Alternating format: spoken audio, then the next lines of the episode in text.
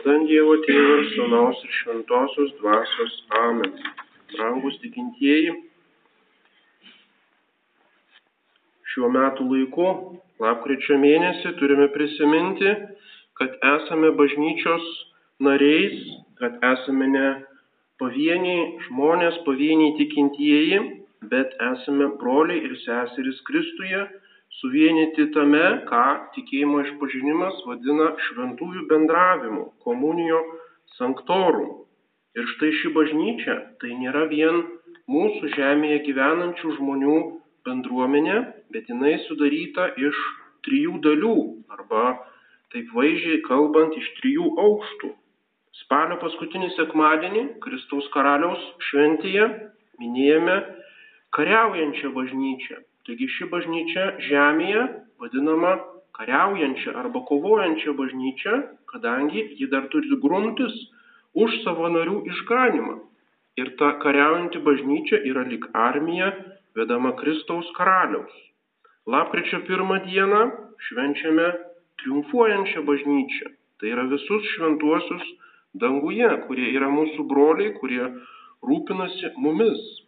Ir turime suprasti, kad visi tie šventieji nekadaise priklausė bažnyčiai, o dabar yra tos bažnyčios nariai tik tai kitoje tos bažnyčios dalyje arba kitame aukšte, kuris jau yra pasiekęs Dievą, kuris triumfuoja kartu su išganytoju, išganytoju, kuris nugalėjo velnę šį pasaulį. Ir štai lapkričio dieną lapkričio antrą dieną per vėlinės minime kenčiančią bažnyčią. Tai yra prisimename sielas, jau išganytas sielas, kurios dar nepasiekė dangaus, kurios turi apsivalyti nuo bausmių už savo nuodėmes ir joms ypač reikia mūsų maldų, reikia mūsų mišių, reikia mūsų pelnomų atlaidų. Kenčianti bažnyčia taip pat yra bažnyčios dalis. Tai, nėra, e, tai yra mūsų broliai, tos pačios bažnyčios nariai, tik tai jie ne, dar nepasiekė to triumfo. Jie pasiekė pergalę, bet nepasiekė triumfo už tą pergalę, todėl apsivalo skaistykloje. Lapkričio antrą dieną prisimename tas visas vėlės skaistykloje. Lapkritis Liturgijoje bažnyčia prisimena gyvenimo ir istorijos pabaigą. Taip vadinamus paskutiniuosius dalykus - mirtį, teismą, pragarą ir dangų. Mūsų gyvenimo pabaiga tai yra mūsų asmeninė mirtis ir asmeninis teismas.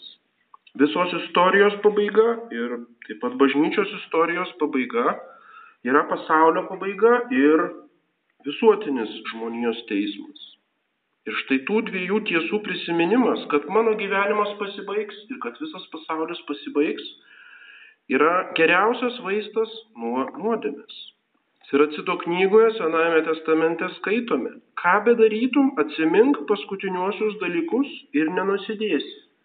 Atsimink tuos keturis paskutinius dalykus - mirti, teismą, pragarą ir dangų. Ir tada ta mintis apsaugos tave nuo nuodėmės. Kas yra nuodėmė, tai netvarkingas prisirišimas prie tvarinių, pamirštant jų tvėrėją. Arba prisirišimas prie priemonių, pamirštant tikslą. Ir štai lapkričio antrą dieną, žinoma, rūpinamės skaistyklos vėlėmis, meldžiamės už jas, stengiamės pelnyti už jas atlaidus.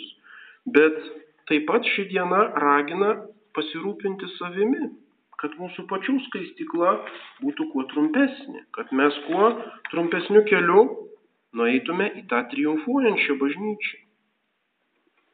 Jeigu dažnai atsimename, kad greitai mirsime ir prarasime visus tvarinius, tada išmoksime relativizuoti visų tų tvarinių vertę, nedėti į juos vilčių, neprisirišti prie tų tvarinių, lyg jie būtų mūsų tikslas ir tuomet nenusidėsime. Tada tuomet tie tvariniai nebebus mums pagunda nuodėmė.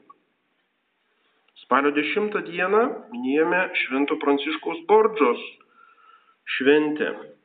Jis buvo ispanų didikas, karalienės Izabelės dvare, tarnavo savo gražiai ir galingai valdoviai Bet štai Izabelė mirė, su kuriais siejo visą savo karjerą, savo gyvenimą.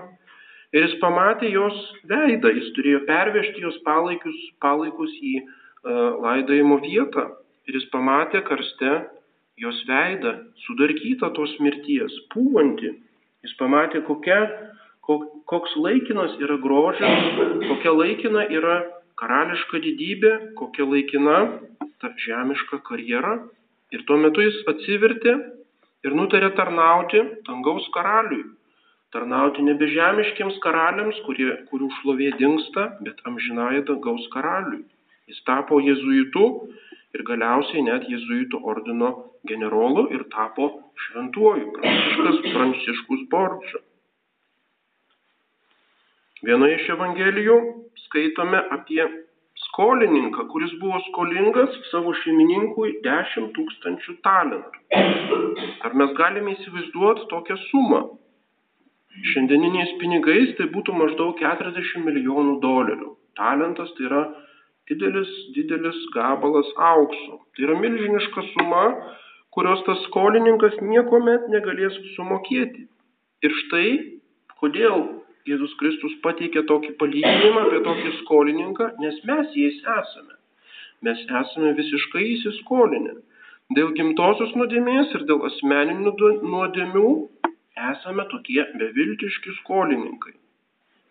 Ir po mirties asmeninėme teisme turėsime duoti apyskaitą.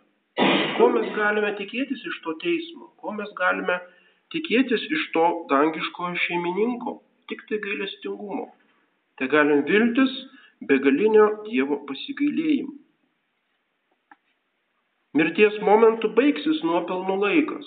Tai, ką dabar uždirbsime, tą turėsime per visą amžinybę.